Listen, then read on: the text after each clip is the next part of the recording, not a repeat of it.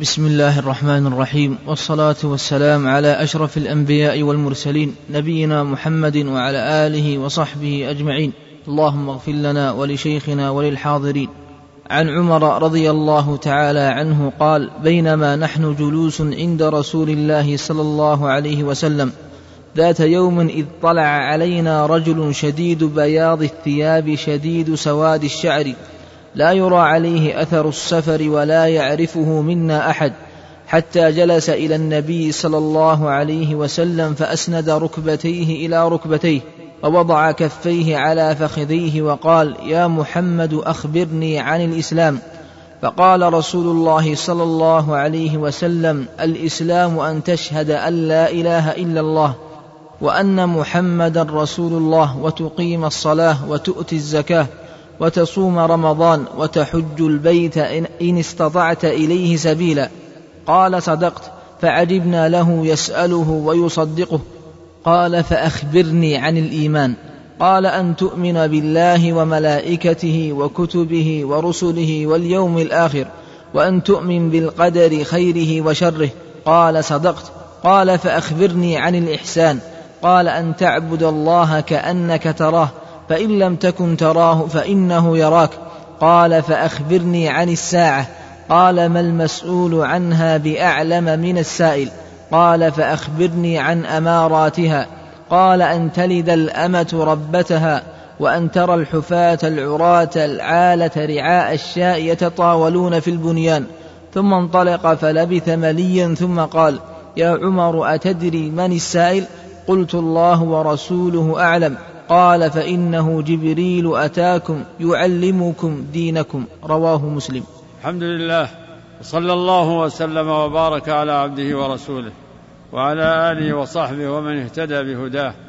أما بعد وهو روح القدس قل نزله روح القدس من ربك وهو الروح الأمين نزل به الروح الأمين وهو روح الله. الذي أرسله إلى مريم.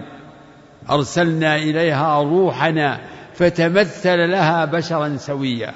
فجبريل عليه السلام تارة يأتي الرسول بطريقة خفية لا يظهر فيها. يأتيه بالوعي بطريقة خفية الرسول يسمعه ويعرفه ومن حوله لا يراه. وأحيانا يأتيه متمثلا بصورة رجل معروف من الصحابة اسمه دحية رضي الله عنه فيراه الصحابة يظنونه دحية الكلب وتارة يأتيه بصورة بصورة رجل غير معروف كما هنا كما في هذا الحديث.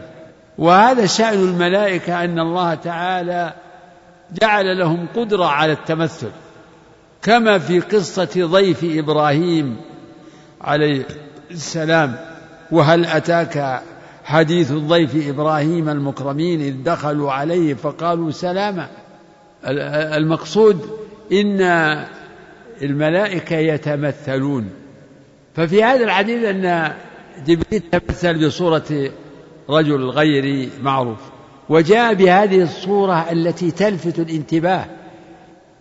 يقول آه، عمر رضي الله عنه إذ طلع علينا رجل شديد بياض الثياب شديد سواد الشعر. لا يرى عليه أثر السفر. المسافر إذا قدم يكون أشعث الشعر أشعث الرأس مغبر البدن والثياب لكن هذا بخلاف ذلك. يقول فجاء حتى جلس إلى النبي صلى الله عليه وسلم وقرب منه جدا يقول فأسند ركبتيه إلى ركبتيه. جبريل أسند ركبتيه إلى ركبتي النبي يعني جلس منه بأقرب مكان ووضع كفيه على فخذيه ويظهر أنه وضع كفيه أي جبريل وضع كفيه على فخذي النبي صلى الله عليه وسلم. معناه أنه يعني قرب منه وجهه إلى وجهه.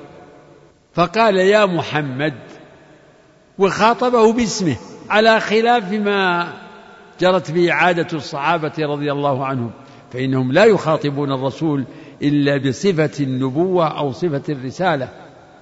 يا نبي الله يا رسول الله لا يقول له يا محمد إنما يفعل ذلك الجهال أو الكفار فأظهر جبريل عليه السلام أنه أنه جاهل بمقام النبي عليه الصلاة والسلام فقال يا محمد نعم اسم. اسم محمد اسم عظيم وله دلالة عظيمة لكنه الاسم الذي سماه به أبوه وهو اسمه الذي يعرف به بين قومه عليه الصلاة والسلام لكنه اسم يدل على معنى عظيم وهو أنه كثير المحامد صلى الله عليه وسلم وجميل الأخلاق والفضائل فهو علم على شخصه ويتضمن صفته وشرفه وكمال أخلاقه عليه الصلاة والسلام. فقال يا محمد أخبرني عن الإسلام. هذا هو السؤال الأول. أخبرني عن الإسلام. يعني هذا الإسلام الذي يعني جئت به ودعوت الناس إليه ما حقيقته؟ أخبرني عن الإسلام. ففسره النبي صلى الله عليه وسلم فقال الإسلام أن تشهد أن لا إله إلا الله وأن محمدا رسول الله وتقيم الصلاة وتؤتي الزكاة وتصوم رمضان وتحج البيت إن استطعت إليه سبيلا. ففسر الإسلام بهذه الأصول الظاهرة والواجبات العظيمة. فهذه تعرف بأصول الإسلام وأركان الإسلام وهي أصول الدين. أصول الدين الظاهرة وهي أيضا هذه الأصول بعضها أعظم شانا من بعض فأول ذلك وأعظمه الشهادتان. الشهادتان شهادة أن لا إله إلا الله وشهادة أن محمد رسول الله. وقد جعلهما النبي صلى الله عليه وسلم أصلا واحدا. كما في الحديث الصحيح عن ابن عمر رضي الله عنهما قال رسول الله صلى الله عليه وسلم بني الإسلام على خمس شهادة أن لا إله إلا الله وأن محمد رسول الله وإقام الصلاة وإيتاء الزكاة وصوم رمضان وحج البيت. فالشهادتان أصل واحد. لا تكفي إحداهما عن الأخرى. فعليهما مدار جميع شرائع الإسلام. جميع شرائع الإسلام مدارها على هاتين الشهادتين. ولا بد أن يتحقق مقتضاهما في كل عمل. فمقتضى شهادة أن لا إله إلا الله الإخلاص. ومقتضى شهادة أن محمد رسول الله المتابعة. وهذان هما شرطا العمل الصالح. فكل عمل لا يتحقق فيه الإخلاص والمتابعة فإن فإنه لا يكون عملا صالحا. فضد الإخلاص الشرك وضد المتابعة البدعة. فقوله أن تشهد يعني أن تقر ظاهرا وباطنا عن علم ويقين أن تشهد بقلبك وبلسانك فإنه لا لا يكون الإنسان مسلما إذا نطق بالشهادتين إلا أن يكون صادقا مخلصا ولا بد أن يكون عالما بما يشهد به. يعرف معنى لا إله إلا الله ويعرف معنى محمد رسول الله. أن تشهد أن لا إله إلا الله وأن محمدا رسول الله. فإذا شهد العبد هذه الشهادة دخل في الإسلام. إذا كان كافرا وشهد هذه الشهادة دخل في الإسلام. صار مسلما الآن. ثم بعد ذلك يؤمر بالواجبات من الصلاة والزكاة والصيام والحج وغير ذلك من واجبات الدين. فأما شهادة أن لا إله إلا الله فإنها أصل دين الرسل كلهم فالرسل كلهم من أولهم إلى آخرهم دعوتهم مبنية على التوحيد على شهادة أن لا إله إلا الله. ولقد بعثنا في كل أمة رسولا أن يعبدوا الله واجتنبوا الطاغوت. اعبدوا الله واجتنبوا الطاغوت. هذا هو معنى لا إله إلا الله. وقال تعالى وما أرسلنا من قبلك من رسول إلا نوحي إليه أنه لا إله إلا أنا فاعبدون. وقال سبحانه وتعالى لموسى إني أنا الله لا إله إلا أنا لا إله إلا أنا فاعبدني وأقم الصلاة لذكري. فشهادة أن لا إله إلا الله هي أصل دين الإسلام الذي بعث الله به رسله من أولهم إلى آخرهم. ولهذا كل نبي يقول لقومه اعبدوا الله ما لكم من إله غيره. فدين الإسلام هو دين الرسل كلهم من أولهم إلى آخرهم وهذه وهذا أصله التوحيد الذي هو مضمون كلمة التوحيد لا إله إلا الله. فإن حقيقة هذه الكلمة ومعناها لا معبود بحق إلا الله. أي كل معبود سوى الله باطل. وهذا هو الكفر بالطاغوت. الكفر بكل ما يعبد من دون الله. والإيمان بأنه تعالى هو الإله الحق الذي لا يستحق العبادة سواه. ولهذا قال تعالى فمن يكفر بالطاغوت ويؤمن بالله فقد استمسك بالعروة الوثقى. فكلمة التوحيد لا إله إلا الله هي العروة الوثقى. من تمسك بها واستقام عليها نجا من الهلكة وفاز بالنجاة والفلاح. أما شهادة أن محمد رسول الله فحقيقتها هو الإيمان بأن محمد بن عبد الله الهاشمي القرشي الذي ينتهي نسبه إلى إبراهيم الخليل عليه عليه وعلى نبينا الصلاة والسلام. أن محمدا رسول الله أي مرسل من عند الله إلى جميع الناس. لا بد من من الإيمان بأن رسالة الرسول عامة لكل البشر بل للثقلين الجن والإنس. وهذه من خصائص نبينا عليه الصلاة والسلام. كما قال وكان النبي يبعث إلى قومه خاصة وبعثت إلى الناس عامة وقال تعالى وما أرسلناك إلا كافة للناس وقال قل يا أيها الناس إني رسول الله إليكم جميعا ولا بد مع ذلك من اعتقاد أنه خاتم النبيين فلا نبي بعده. فلا يكون المكلف محققا هذه الشهادة حتى يؤمن بعموم الرسالة وختم النبوة. أن محمد خاتم النبيين فلا نبي بعده. هو نبي الساعة عليه الصلاة والسلام.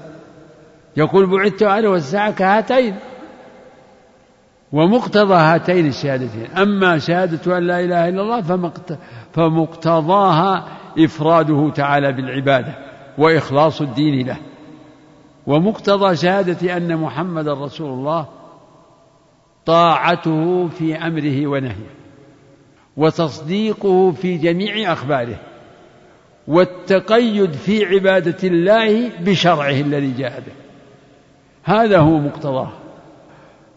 الأصل الثاني من أصول الإسلام إقام الصلاة والمراد الصلوات الخمس. فإن الله فرض على عباده خمس صلوات في كل يوم وليلة وهي أعظم واجبات الدين بعد الشهادتين وهي أو أعظم ألو يعني أوجب الواجبات على المسلم. المسلم الذي شهد أن لا إله إلا الله وأن محمدا رسول الله أعظم واجب عليه هو الصلوات الخمس. الصلوات الخمس هي عمود الإسلام كما في حديث معاذ رأس الأمر الإسلام وعموده الصلاة. معنى ذلك أن أن الصلاة لدين الإسلام بمنزلة العمود للخيمة. فإنه إذا سقط عمود الخيمة لم تغني الطنب والحبال لا تغني شيئا.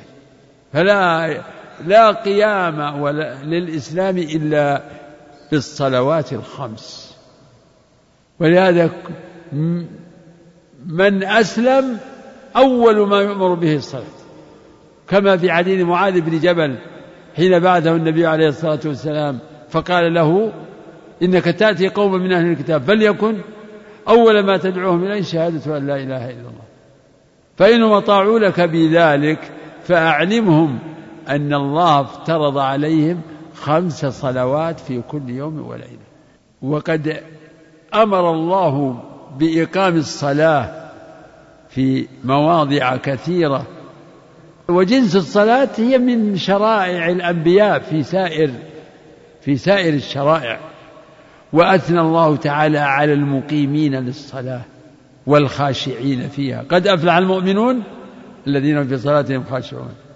ولا إلى قوله والذين هم على صلواتهم يحافظون إلا المصلين الذين هم على صلاتهم دائمون إلى قوله والذين هم على صلاتهم يحافظون وقال تعالى حافظوا على الصلوات والصلاة الوسطى وقوموا لله قانتين والصلاة الوسطى على الصحيح هي صلاة العصر وقد جاءت النصوص في وعيد المضيعين للصلاة وفي حكم تاركيها كما قال تعالى فخلف من بعدهم خلف أضاعوا الصلاة واتبعوا الشهوات فسوف يلقون غيا قال تعالى في شأن المجرمين ما سلككم في سقر؟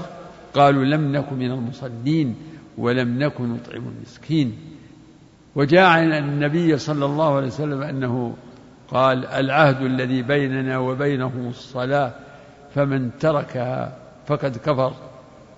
وصح عنه عليه الصلاة والسلام أنه قال بين الرجل وبين الشرك والكفر ترك الصلاة. فالصلوات الخمس يجب على المسلم أن يحافظ عليها وأن يحذر من التفريط في شيء منها. فيجب عليه أن يؤديها في أوقاتها بشروطها وواجباتها ومن واجباتها بالنسبة للرجال أداؤها في جماعة حيث ينادى لها. وقد علم النبي صلى الله عليه وسلم أصحابه بصفة, بصفة الصلاة علمهم صفة الصلاة بقوله وبفعله. وقال لبعض من وفد إليه ليتعلم الدين عندما أرادوا الرجوع قال لهم صلوا كما رأيتموني أصلي. فعلى المسلم أن يؤدي الصلاة على الوجه المشروع وأن يتعلم كيف الصلاة. إذا كان جاهل يتعلم. وهي ولله الحمد مشروعة في كتب أهل العلم في الكتب الكبيرة والصغيرة وفي آه، المختصرات صفة الصلاة. فالصلاة أقوال وأفعال تبدأ بالتكبير وتنتهي بالتسليم كما هو مقرر معروف. الأصل الثالث من أصول الإسلام الزكاة وتؤتي الزكاة فالزكاة حق المال. فمن امتنع منها ووجب على الإمام أن يأخذها منه. وإذا كان الممتنع من أدائها يعني جماعة وأهل بلد وجب على الإمام أن يقاتلهم حتى ينقادوا لأدائها كما صنع أبو بكر والصحابة. قاتلوا مانع الزكاة. وقال أبو بكر رضي الله عنه قولته المعروفة والله لو منعوني عقالا أو عناقا كانوا يؤدونها إلى رسول الله صلى الله عليه وسلم لقاتلتهم عليه. فإن الزكاة حق المال. فالزكاة فريضة من أعظم الفرائض وقد توعد الله مانع الزكاة بالعذاب. والذين يكنزون الذهب والفضة ولا ينفقونها في سبيل الله فبشرهم بعذاب أليم. يوم يحمى عليها في نار جهنم فتكوى بها جباههم وجنوبهم وظهورهم. هذا ما كنزتم لأنفسكم فذوقوا ما كنتم تكنزون. وهذا يوجب لمن آتاه الله مال أن يتعرى أن يتعلم أحكام الزكاة. هل تجب عليه الزكاة في هذا المال؟ و ولمن يصرفها؟ كل مسلم ولله الحمد يعلم أن الزكاة من فرائض الله لكن يحصل التقصير في معرفة ما يلزم من أحكامها. فمن آتاه الله مال فعليه أن يعرف أن يسأل ماذا يجب عليه وكيف يصرف الزكاة. وهذا مبين بالكتاب والسنة. فالله قد ذكر مصارف الزكاة. فقال إنما الصدقات للفقراء والمساكين والعاملين عليها والمؤلفة قلوبهم وفي الرقاب والغارمين وفي سبيل الله وابن السبيل. وسمي هذا الحق زكاة من الزكاة وهو النماء والصلاح و فإخراج الزكاة فيه فيه تزكية للنفس وتطهير للعبد من من رذية البخل وتطهير له من ذنوبه أيضا. قال الله تعالى خذ من أموالهم صدقة تطهرهم وتزكيهم بها وصل عليهم إن صلاتك سكن لهم. وهذه الأصول الثلاثة أعني الشهادتين والصلاة والزكاة. كثيرا ما يقرن الله بينها كما قال سبحانه وما أمروا إلا ليعبدوا الله مخلصين له الدين حنفاء ويقيموا الصلاة ويؤتوا الزكاة وذلك دين القيمة. وقال سبحانه وتعالى في شأن المشركين فإن تابوا يعني من الشرك فإن تابوا وأقاموا الصلاة وآتوا الزكاة فخلوا سبيلهم وقال في الآية الأخرى فإن تابوا وأقاموا الصلاة وآتوا الزكاة فإخوانكم في الدين. ونفصل الآيات لقوم يعلمون. الأصل الرابع والخامس الرابع صيام شهر رمضان فصيامه أحد أركان الإسلام وكذلك الحج حج البيت الحرام ولله على الناس حج البيت من استطاع إليه سبيلا. وقال في الصيام يا أيها الذين آمنوا كتب عليكم الصيام. كما كتب على الذين من قبلكم لعلكم تتقون. إلى قول شهر رمضان الذي أنزل فيه القرآن هدى للناس وبينات من الهدى والفرقان. فمن شهد منكم الشهر فليصمه من كان مريضا أو على سفر فعدة من أيام أخر يريد الله بكم اليسر ولا يريد بكم العسر. ولتكملوا العدة ولتكبروا الله على ما هداكم ولعلكم تشكرون. هذه أصول الإسلام. الظاهرة وتفاصيل أحكامها مبينة في آيات من القرآن وفي سنة رسول الله صلى الله عليه وسلم القولية والفعلية كما قلنا في شأن الصلاة كذلك نقول في الصوم والحج فإنه عليه الصلاة والسلام قال في الحج نظير ما قال في الصلاة قال لتأخذوا عني مناسككم لتأخذوا مناسككم. فحج وعلم الناس صفة الحج بقوله وبفعله عليه الصلاة والسلام. بعد هذا بعد هذا الجواب قال السائل جبريل قال النبي صدقت. لما أخبره قال له صدقت. يقول عمر فعجبنا له يسأله ويصدقه. يعني كأنهم استشعروا أن عنده يعني كيف لأن المعتاد أن الذي يصدق هو الذي يكون عنده سابق علم. أما الجاهل المحض اللي ما عنده علم وجاي يسأل يمكن أن يقول أحسنت أو جزاك الله خيرا أو أحسن الله إليك أو ما أشبه ذلك؟ أما أن يقول صدقت. ولهذا قال فعجبنا له يسأله ويصدقه. السؤال الثاني قال أخبرني عن الإيمان. قال أن تؤمن بالله وملائكته وكتبه ورسله واليوم الآخر وتؤمن بالقدر خيره وشره. فسر النبي صلى الله عليه وسلم الإيمان بأصول الاعتقاد. هذه الإيمان بالله وملائكته هذه كلها يعني أمور باطنة. وهذه تسمى أصول الإيمان وأصول الاعتقاد وأصول الإيمان وأصول الاعتقاد أو أركان الإيمان. وهنا يأتي سؤال ما الفرق بين الإيمان والإسلام؟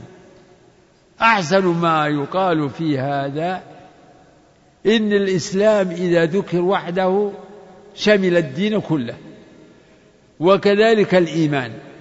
إذا ذكر وحده فإنه يشمل الدين كله. الأقوال والأعمال الظاهرة والباطنة. أما إذا ذكر كما هنا في هذا الحديث ذكر الإسلام أولا ثم الإيمان فإن الإسلام يفسر بالأعمال الظاهرة والإيمان يفسر باعتقاد القلب. باعتقاد. ولهذا فرق النبي عليه الصلاة والسلام بينهما في هذا الحديث. فرق. ما قال الإيمان هو الإسلام خلاص لا. فسر الإيمان باعتقاد القلب أن تؤمن بالله وملائكته وكتبه ورسله واليوم الآخر. هذه الأصول مذكورة في القرآن مجملة مجتمعة ومتفرقة. اقرأوا قوله تعالى ولكن البر من آمن بالله واليوم الآخر والملائكة والكتاب والنبيين. واقرأوا قوله تعالى ومن يكفر بالله وملائكته وكتبه ورسله واليوم الآخر فقد ضل ضلالا بعيدا. وكذلك قوله تعالى آمن الرسول بما أنزل إليه من ربه والمؤمنون كل آمن بالله وملائكته وكتبه ورسله لا نفرق بين أحد من رسله وقالوا سمعنا وأطعنا غفرانك ربنا وإليك المصير. ونجد في آيات أن الله يذكر الإيمان بالله واليوم الآخر الإيمان بالله ورسله فآمنوا بالله ورسله. هذه الأصول الستة. أولها الإيمان بالله وهذا أصلها هذا أصل أصول الإيمان. الإيمان بالله هو الأصل. كما قلنا إن أصل دين الإسلام الظاهر الأصل أصل الدين الظاهر والشهادتان كذلك نقول أصل الإيمان هو الإيمان بالله. هذا هو أصل أصول الإيمان. الإيمان بالله. الإيمان بالله معناه التصديق الجازم واليقين بأنه تعالى رب كل شيء وخالقه ومدبر الوجود وأنه الإله الحق الذي لا يستحق العبادة سواه وأنه الموصوف بجميع صفات الكمال المنزع عن كل نقص وعيب.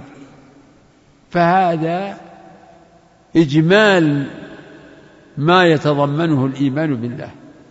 لابد من هذا الاعتقاد. وهذا الكلام له تفصيل آه، مبين في القرآن تفصيل جوانب الإيمان بالله. وهذا يتصل بأقسام التوحيد فالإيمان بالله يتضمن الإقرار بتفرده تعالى في ربوبيته وإلهيته وأسمائه وصفاته. الإيمان بأنه واحد. واحد في ربوبيته فلا رب سواه. واحد في إلهيته فلا إله غيره. وواحد في صفاته فلا شبيه له. ليس كمثله شيء وهو السميع البصير. فلا تجعلوا لله أندادا وأنتم تعلمون. الثاني أعني الأصل الثاني من أصول الإيمان الإيمان بالملائكة. ومعناه أن تؤمن بأن لله خلقا يقال لهم الملائكة واسمهم مشتق من معنى الرسالة فملك معناه رسول مأخوذ من كلمة الألوكة يعني الرسالة في اللغة العربية الألوكة الرسالة. هذا ملك أي رسول فهم رسل الله. فيجب الإيمان بوجودهم وبأنهم عباد عباد مكرمون يعني خيار مطيعون لله. لا يعصون الله ما أمرهم ويفعلون ما يأمرون. لا يشغلهم عن عبادة الله شاغل. يسبحون الليل والنهار لا يفترون. لا يستكبرون عن عبادته ولا يستحسرون هذه صفاتهم في القرآن. لا يسبقونه بالقول وهم بأمره يعملون ولا يشفعون إلا لمن ارتضى وهم من خشيته مشفقون. وهم أصناف منهم الموكل بالوحي كما تقدم في جبريل ومنهم الموكل بحفظ العبد له مقدمات بين يديه ومن خلفه يحفظونه من أمر الله. منهم الموكل بكتابة أعمال العباد وإن عليكم لحافظين كراما كاتبين. ومنهم الموكل بقبض أرواح. الناس قل يتوفاكم ملك الموت الذي وكل بكم الذين تتوفاهم الملائكة طيبين. ولو ترى إذ الظالمون في غمرات الموت والملائكة باسطوا أيديهم ملائكة الرحمة وملائكة العذاب. ومنهم الموكلون ب ب ومنهم خزنة النار ومنهم خزنة الجنة. كلهم فالملائكة أصناف كثيرون وأعدادهم كثيرة لا يحصيهم إلا الله. وهم من عالم الغيب. نؤمن بهم ونحن لا لا نراهم. لكن نؤمن بهم تصديقا لخبر الله وخبر الرسول عليه الصلاة والسلام. وهم عباد مربوبون مدبرون. عباد عابدون لله. لا يستحقون العبادة. وقد أشرك المشركون بهم فعبدوهم من دون الله ويوم يحشرهم جميعا ثم يقول للملائكة أهؤلاء إياكم كانوا يعبدون؟ قالوا سبحانك أنت ولينا من دونهم بل كانوا يعبدون الجن أكثرهم بهم مؤمنون. فيتبرأ منهم الملائكة يتبرؤون من المشركين الذين عبدوهم من دون الله. الأصل الثالث الإيمان بالكتب. والمراد بالكتب يعني الكتب التي أنزلها الله على رسله والله أنزل على رسله أو على من شاء من رسله كتبا فيها علوم وأخبار وشرائع حسب ما تقتضيه حكمته سبحانه وتعالى ومشيئته. وهذه الكتب لم تسمى لنا إلا التوراة والإنجيل والزبور. وأفضل هذه الكتب وأعظمها هو القرآن العزيز المنزل على خاتم النبيين صلوات الله عليه وعليهم أجمعين.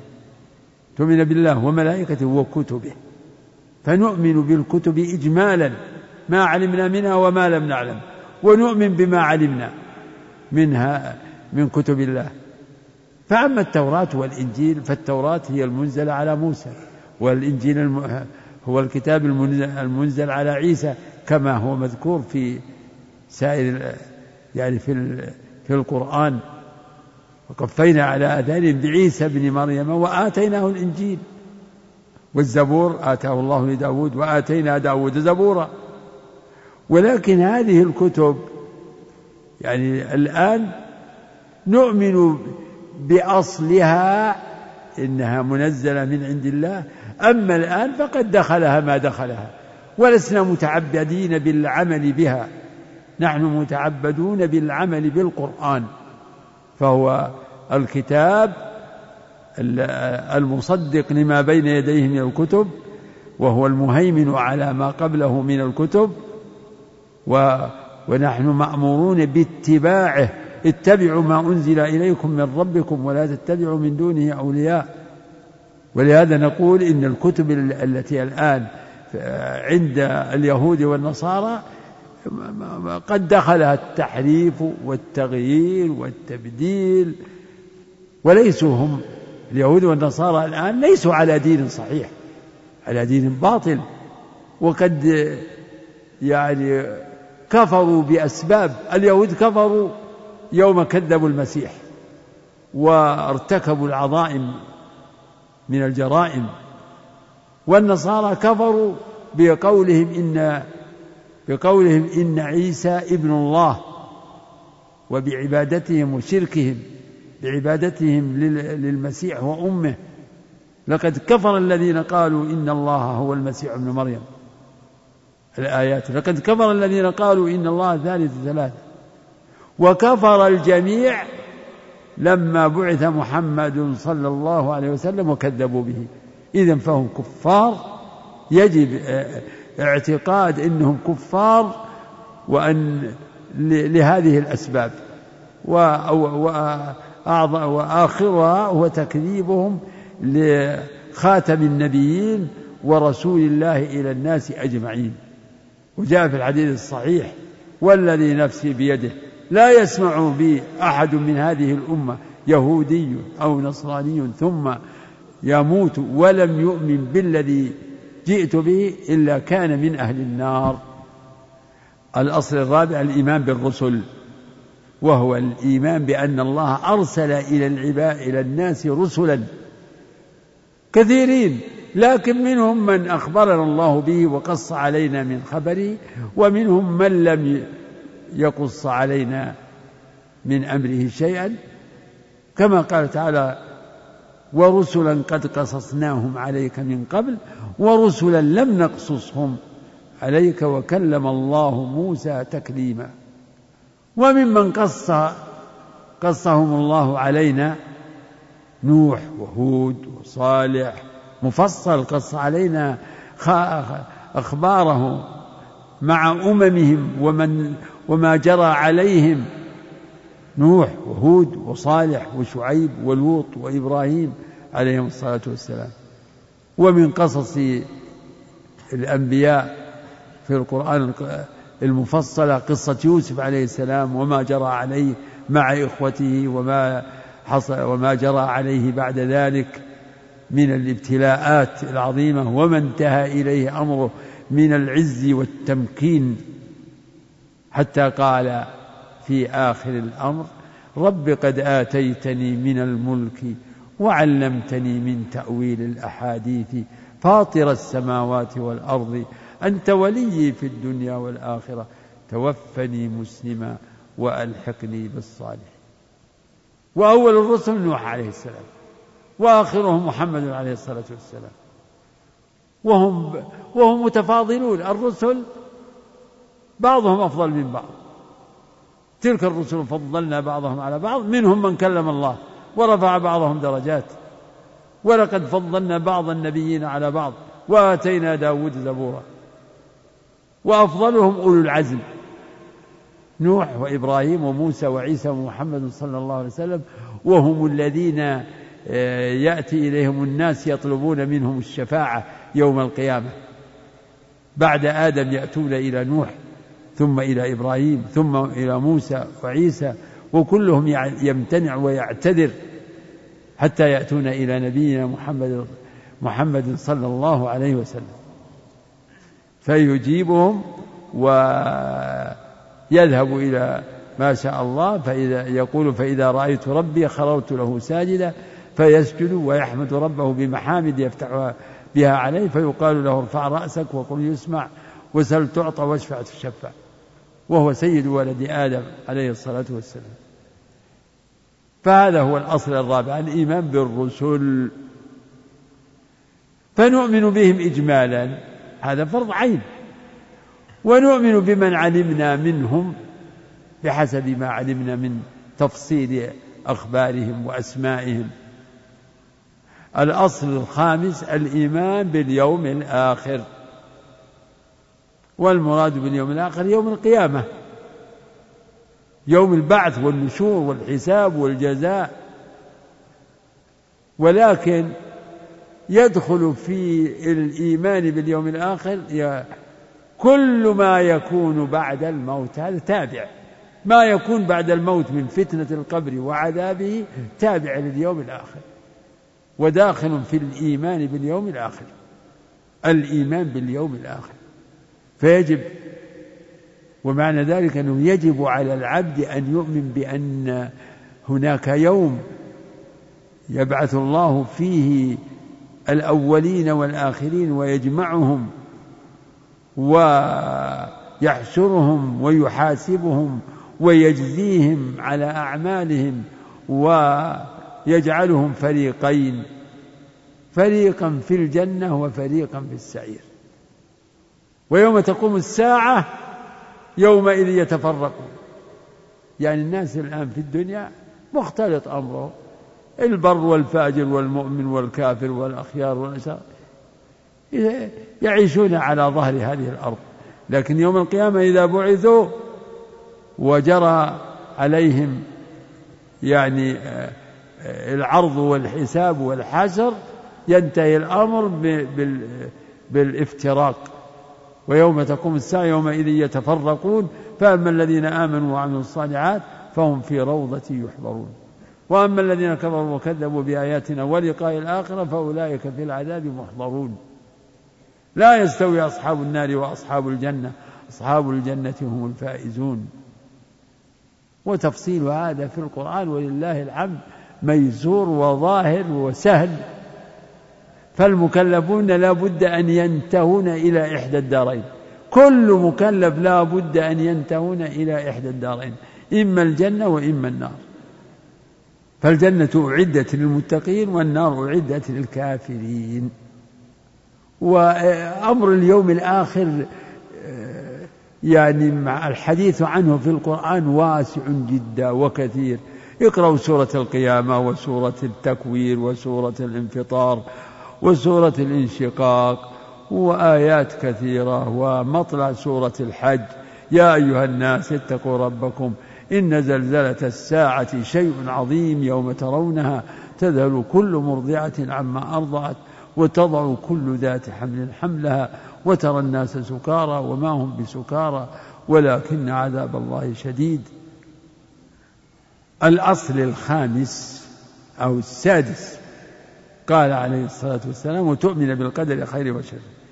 فهذا هو الأصل السادس من أصول الإيمان الإيمان بالقدر. ومعنى الإيمان بالقدر؟ الإيمان بأن الله قد علم ما يكون قبل أن يكون ومن ذلك أعمال العباد طاعاتهم ومعاصيهم. فقد سبق في علم الله القديم فإن الله تعالى لم يزل بكل شيء عليما لم يزل عليما بكل شيء. وأنه تعالى قد كتب مقادير الخلق يعني كتب ما هو كائن إلى يوم القيامة. ثم لا بد من الإيمان بأن ما شاء الله كان وما لم يشاء لم يكن. فكل ما يجري في هذا الوجود فبتقديره وتدبيره ومشيئته وقدرته. كل ما يجري من صغير وكبير فبعلمه وبقدرته ومشيئته تجري الأفلاك تدور الأفلاك ويت وكل ما في هذا الوجود من الموجودات العلوية والسفلية كل ما يجري على ظهر الأرض من تصرفات البشر خيرها وشرها كلها بمشيئة الله وتقديره وتدبيره. تؤمن بالقدر خيره وشره. كل ما تشاهده إذا رأيت شيء فهذا بقدر الله. يعني قل هذا قدر. قدر يعني مقدر. قدر بمعنى مقدر. وإذا قلت سبق بذلك القدر يعني التقدير. سبق بذلك القدر يعني التقدير من الله. وإذا قلت هذا قدر تشير إلى حادث إلى أمر فبمعناه هذا مقدر. وفي وفيما قدر الله خير وشر كما في أعمال العباد وفي وما يكون من آه، لذات وآلام. خير وشر خير وشر. فكلها بقدر الله. وتؤمن بالقدر خيره وشره وحلوه ومره. والإيمان بالقدر هو في الحقيقة داخل في الإيمان بالله. لأن من الإيمان بالله؟ الإيمان بعلمه السابق والإيمان بكتابته للمقادير وبمشيئته النافذة وبقدرته التامة. فهذه أصول الإيمان. المرتبة الثالثة من مراتب الدين أخذ العلماء من هذا الحديث أن الدين ثلاث مراتب يعني درجات. الإسلام وهو أخص بالأعمال الظاهرة ثانيا الإيمان ثالثا الإحسان. فالإحسان هو أعلى المراتب. ولهذا يقولون كل مسلم مؤمن وليس كل مؤمن مسلم. يعني لا كل مؤمن مسلم وليس كل مسلم مؤمن يستحق هذا الوصف. لأن الإسلام يشمل اسم الإسلام يشمل آه، حديث العهد بالإسلام الذي لم يتمكن الإيمان في قلبه. كما قال تعالى قالت الأعراب آمنا قل لم تؤمنوا ولكن قولوا أسلمنا.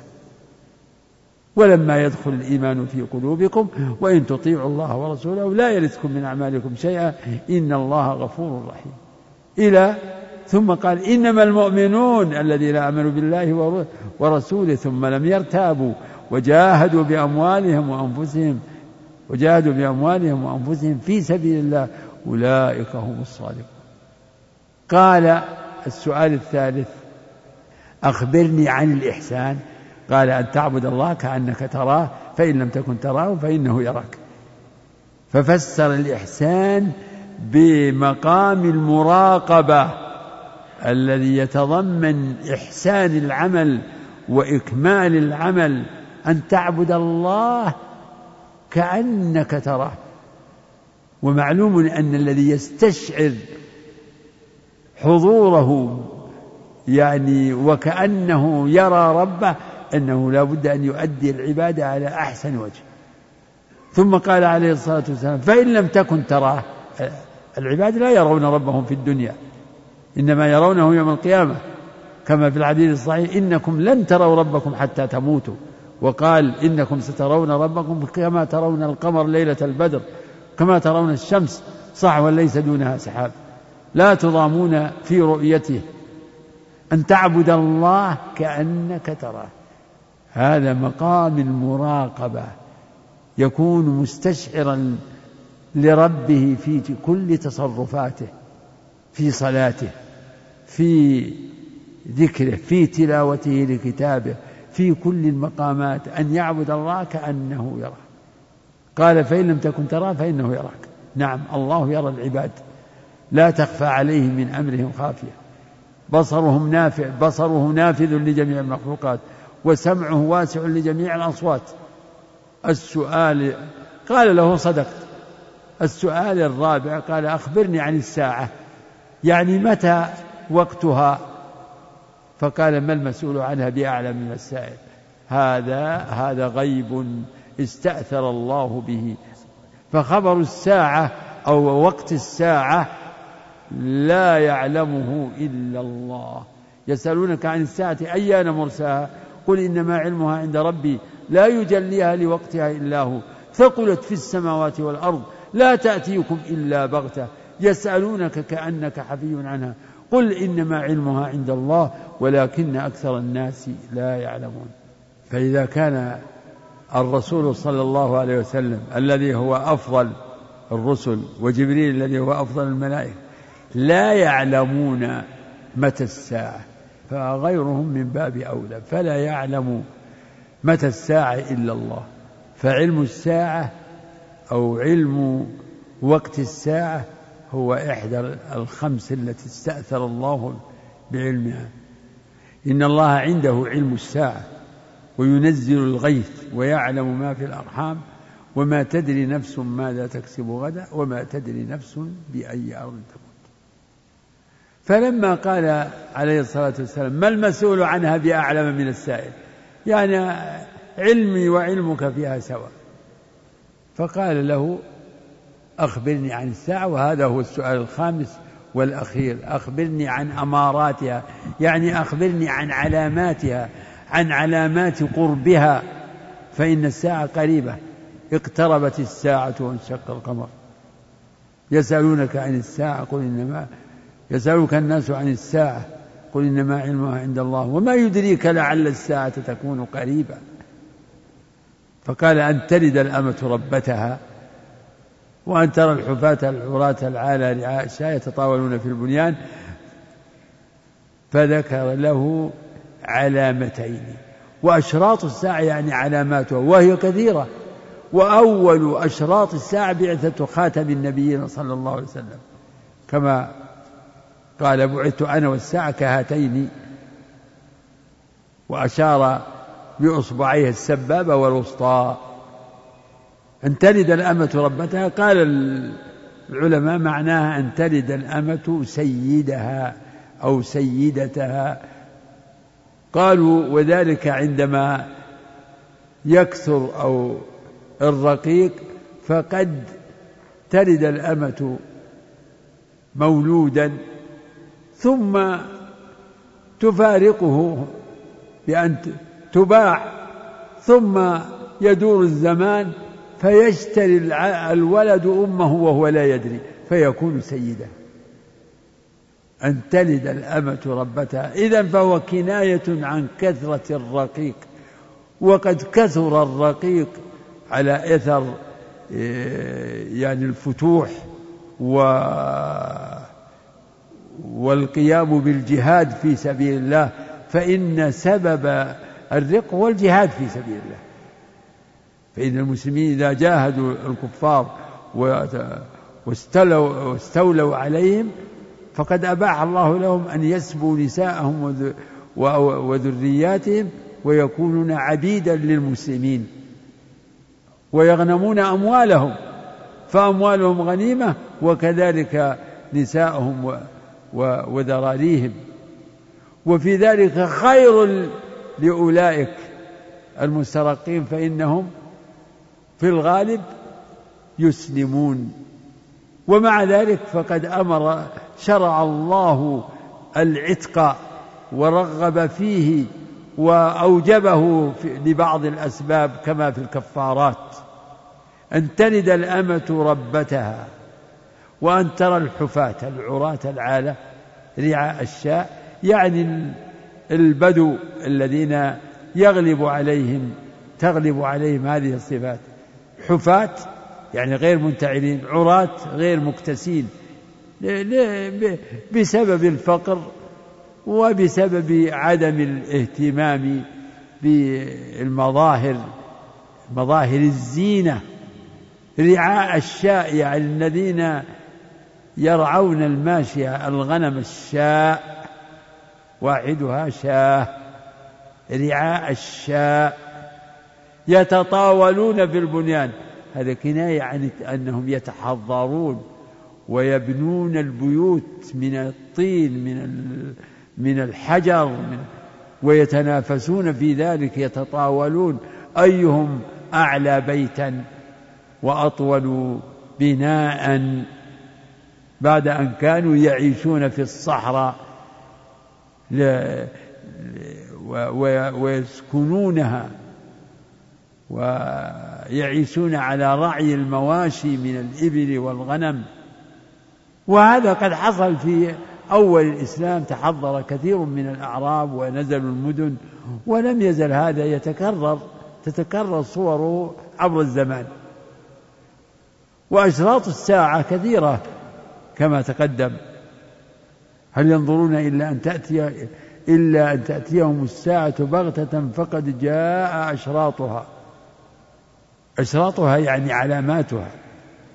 وأشراط الساعة منها أشراط الساعة الكبرى ومنها سائر الأشراط التي تكون عبر القرون.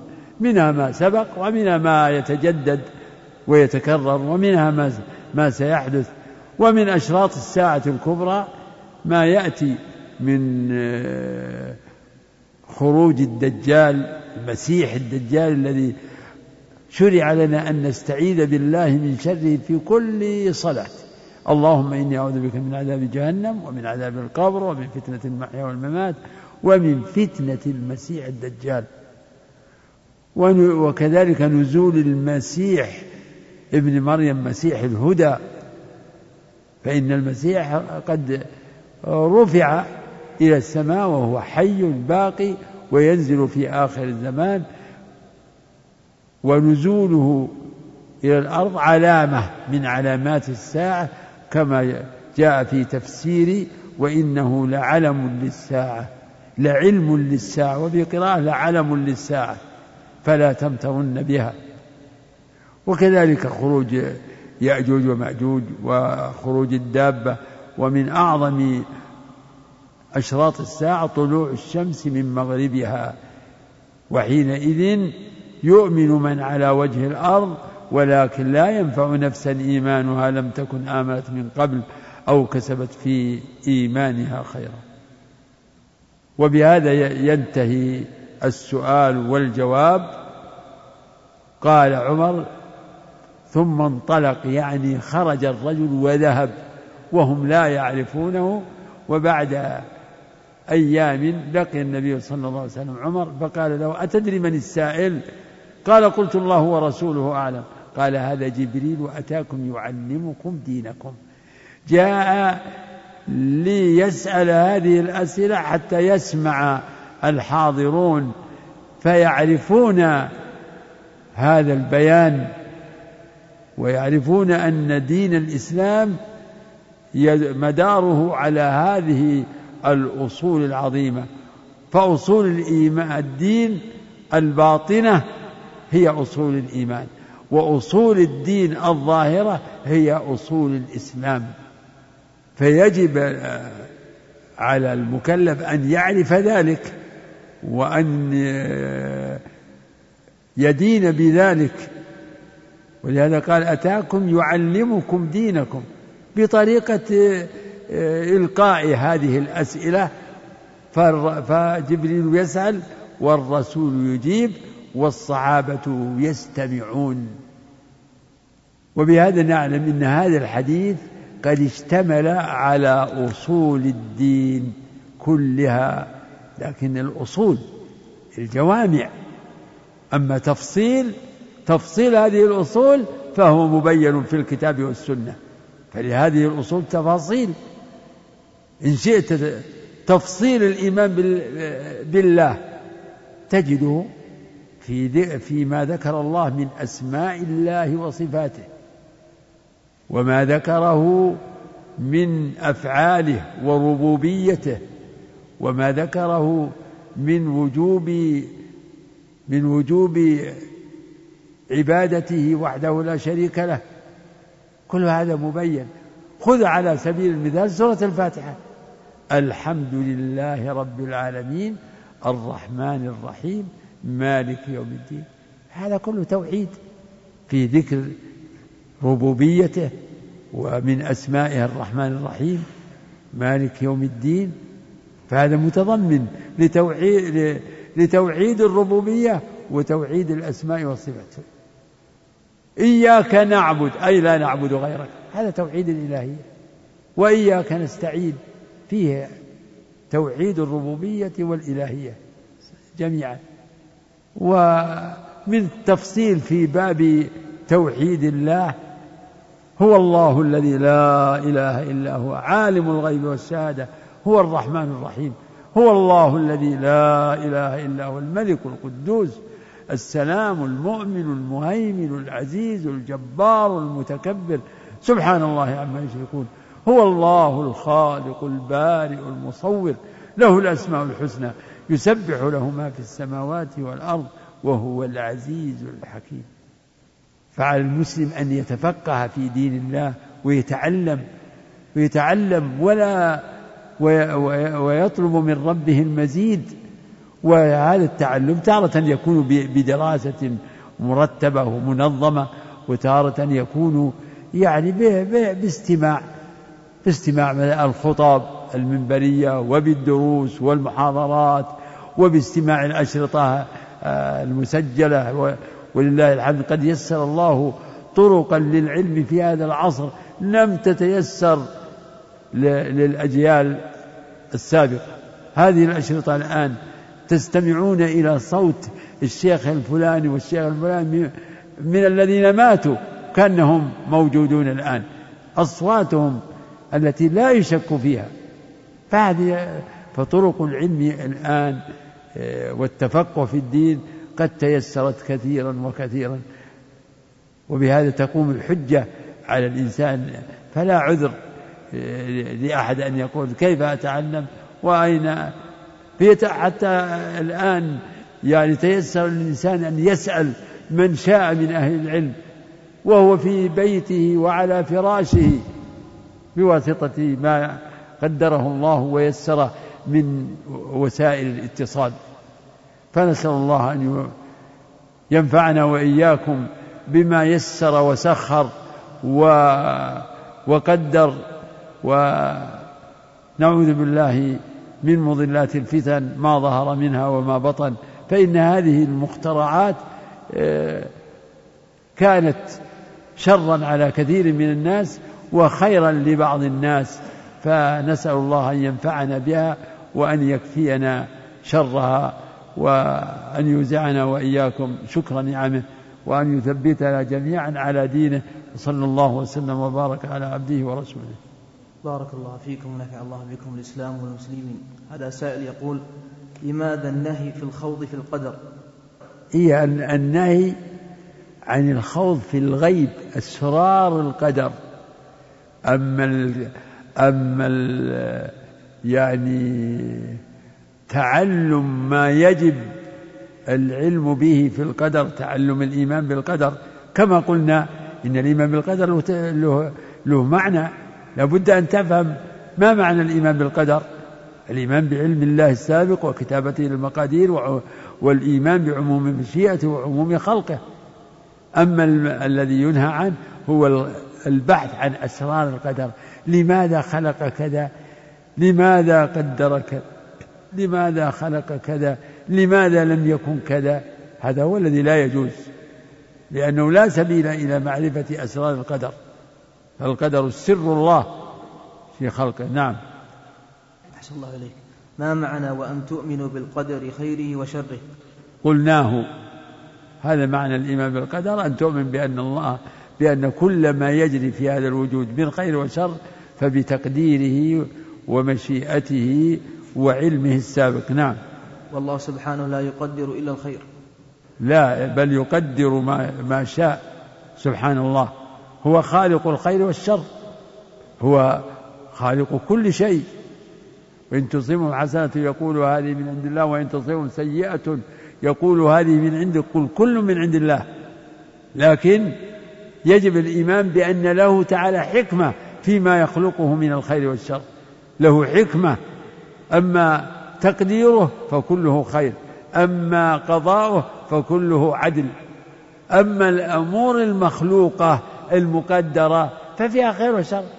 فيه الصحة والمرض وفيه آه، آلام وفيه لذات وفيه آه، يعني في المخلوقات فيه الملائكة وفيه شياطين وفي طاعات ومعاصي. كلها بقدر الله وله الحكمة البالغة في كل ما يقدره من ذلك. نعم. أحسن الله إليك. هل يجوز الدعاء على من كتب في الصحف ما يسيء للشريعة أو للعلماء أو ولاة الأمر؟ إجمالا إجمالا إجمالا. نسأل الله أن يكفينا شرهم وأن يكف شرهم. نعم. صلى الله إليك. امرأة تنام عن صلاة الظهر بسبب أنها ترضع ابنها الصغير فلا تنام إلا بعد صلاة الفجر فيفوتها صلاة الظهر. فما الحكم بذلك يجب أنها ترتب نفسها وتصلي قبل أن تنام. عجيب. أما إذا كان شيء عارض العارض أمره سهل. أما أن يكون هذا عادة وديدنا أنها لا تصلي الظهر إلا العصر أما إذا كانت نعم تصلي لكن يعني متأخرة عن أول الوقت فالأمر أيضا واسع. لأن وقت الظهر والعام طويل. بالنسبة للنساء أمرهن أسهل. يعني لو صلت الساعة اثنتين هي هي في الوقت. بارك الله فيكم شيخ. هل يجوز قراءة التوراة أو الإنجيل؟ لا لا يجوز. لماذا تقرأ التوراة والإنجيل؟ لماذا؟ نسألك. لماذا؟ جاء في في الحديث أن الرسول رأى صلى الله عليه وسلم رأى في يد عمر يعني ورقة قال إنها من التوراة فأنكر عليه الرسول عليه الصلاة والسلام وقال لو كان موسى حيا ما وسعه إلا اتباعي لماذا تقرأ التوراة والإنجيل؟ وهي كتب فيها ما فيها من التحريف والتبديل. وقد أغنانا الله عنها بكتابه العزيز المحفوظ. نعم. أحسن الله إليكم. يقول هل المسلمين كلهم يدخلون الجنة؟ اي نعم على سبيل الإجمال نعم. نقول إي والله كل من مات على التوحيد والإيمان فمآله إلى الجنة. نعم. بارك الله فيكم. انتهت الأسئلة